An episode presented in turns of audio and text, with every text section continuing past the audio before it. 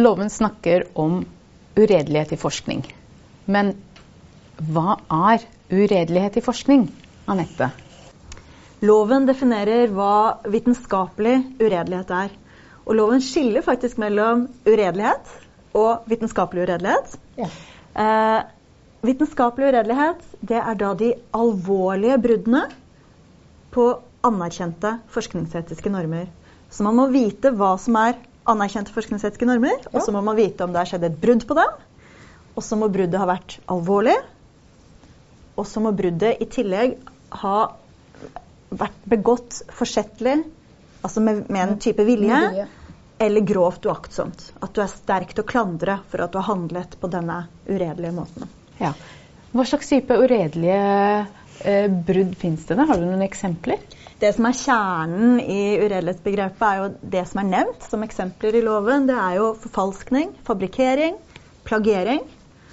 Eh, men også andre ting, som brudd på normer og medfatterskap. Hvis det er et alvorlig brudd, ja. så kan det regnes som vitenskapelig uredelighet. Ja.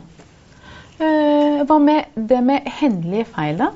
Hva er hendelige feil? Det er jo noen ting som faller utenfor uredelighetsbegrepet også, og det er hvis du har glemt en sitatmarkering, eller hvis du har glemt å oppgi en kilde et sted Disse enkeltstående feilene som ikke er altså, mer systematiske, da snakker man om hendelige feil. Eh, men også faglig uenighet. Det kan være forskere som er uenige med en annen forsker. Eh, da kan du ikke dra fram uredelighetskortet. Ja. Da må du ta det på den faglige uenigheten, og heller ta det som en konstruktiv tilbakemelding, konstruktiv kritikk. Ja. Kanskje er det grunn til å se nærmere på forskninga. Så det er ikke uredelighet. Ja. Eh, men studenter, da? Ja, og dette er en vanlig hva skal jeg si, det, kan, det, er lett å tro at også studenters brudd på anerkjente forskningsetiske normer skal behandles som en uredelighetssak, men det stemmer ikke. Det står veldig tydelig i forarbeidene til forskningsetikkloven at studenter de faller utenfor den saksbehandlingen i loven. Ja. Der må man heller vurdere om de bruddene går inn under fuskereglene etter universitets- og høyskoleloven. Ja.